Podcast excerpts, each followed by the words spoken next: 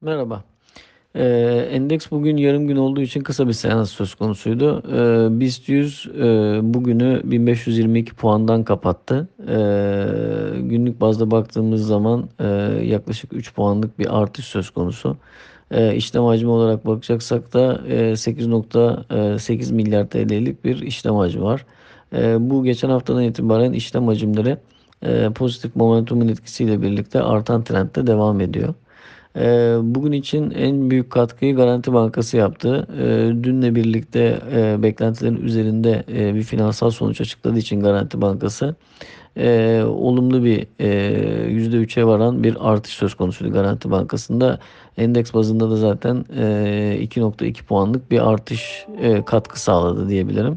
E, Garanti Bankası'nın bu performansı Akbank ve Yapı Kredi'de e, dolaylı olarak alımlara e, sebep oldu. Endeksi e, bugün için aslında e, lokomotif tarafı bankacılık endeksinden geldi diyebilirim. E, negatif tarafta da e, BİMAŞ ve Türksel Tüpraş'ı e, görüyorum. E, perakende yasasıyla olan e, ilişkilerle alakalı olaraktan e, BİMAŞ'ın bir satış yemesi e, normal. Burada e, cezalarla ilgili durum bekleniyor. Dolayısıyla biraz baskı var gibi gözüküyor.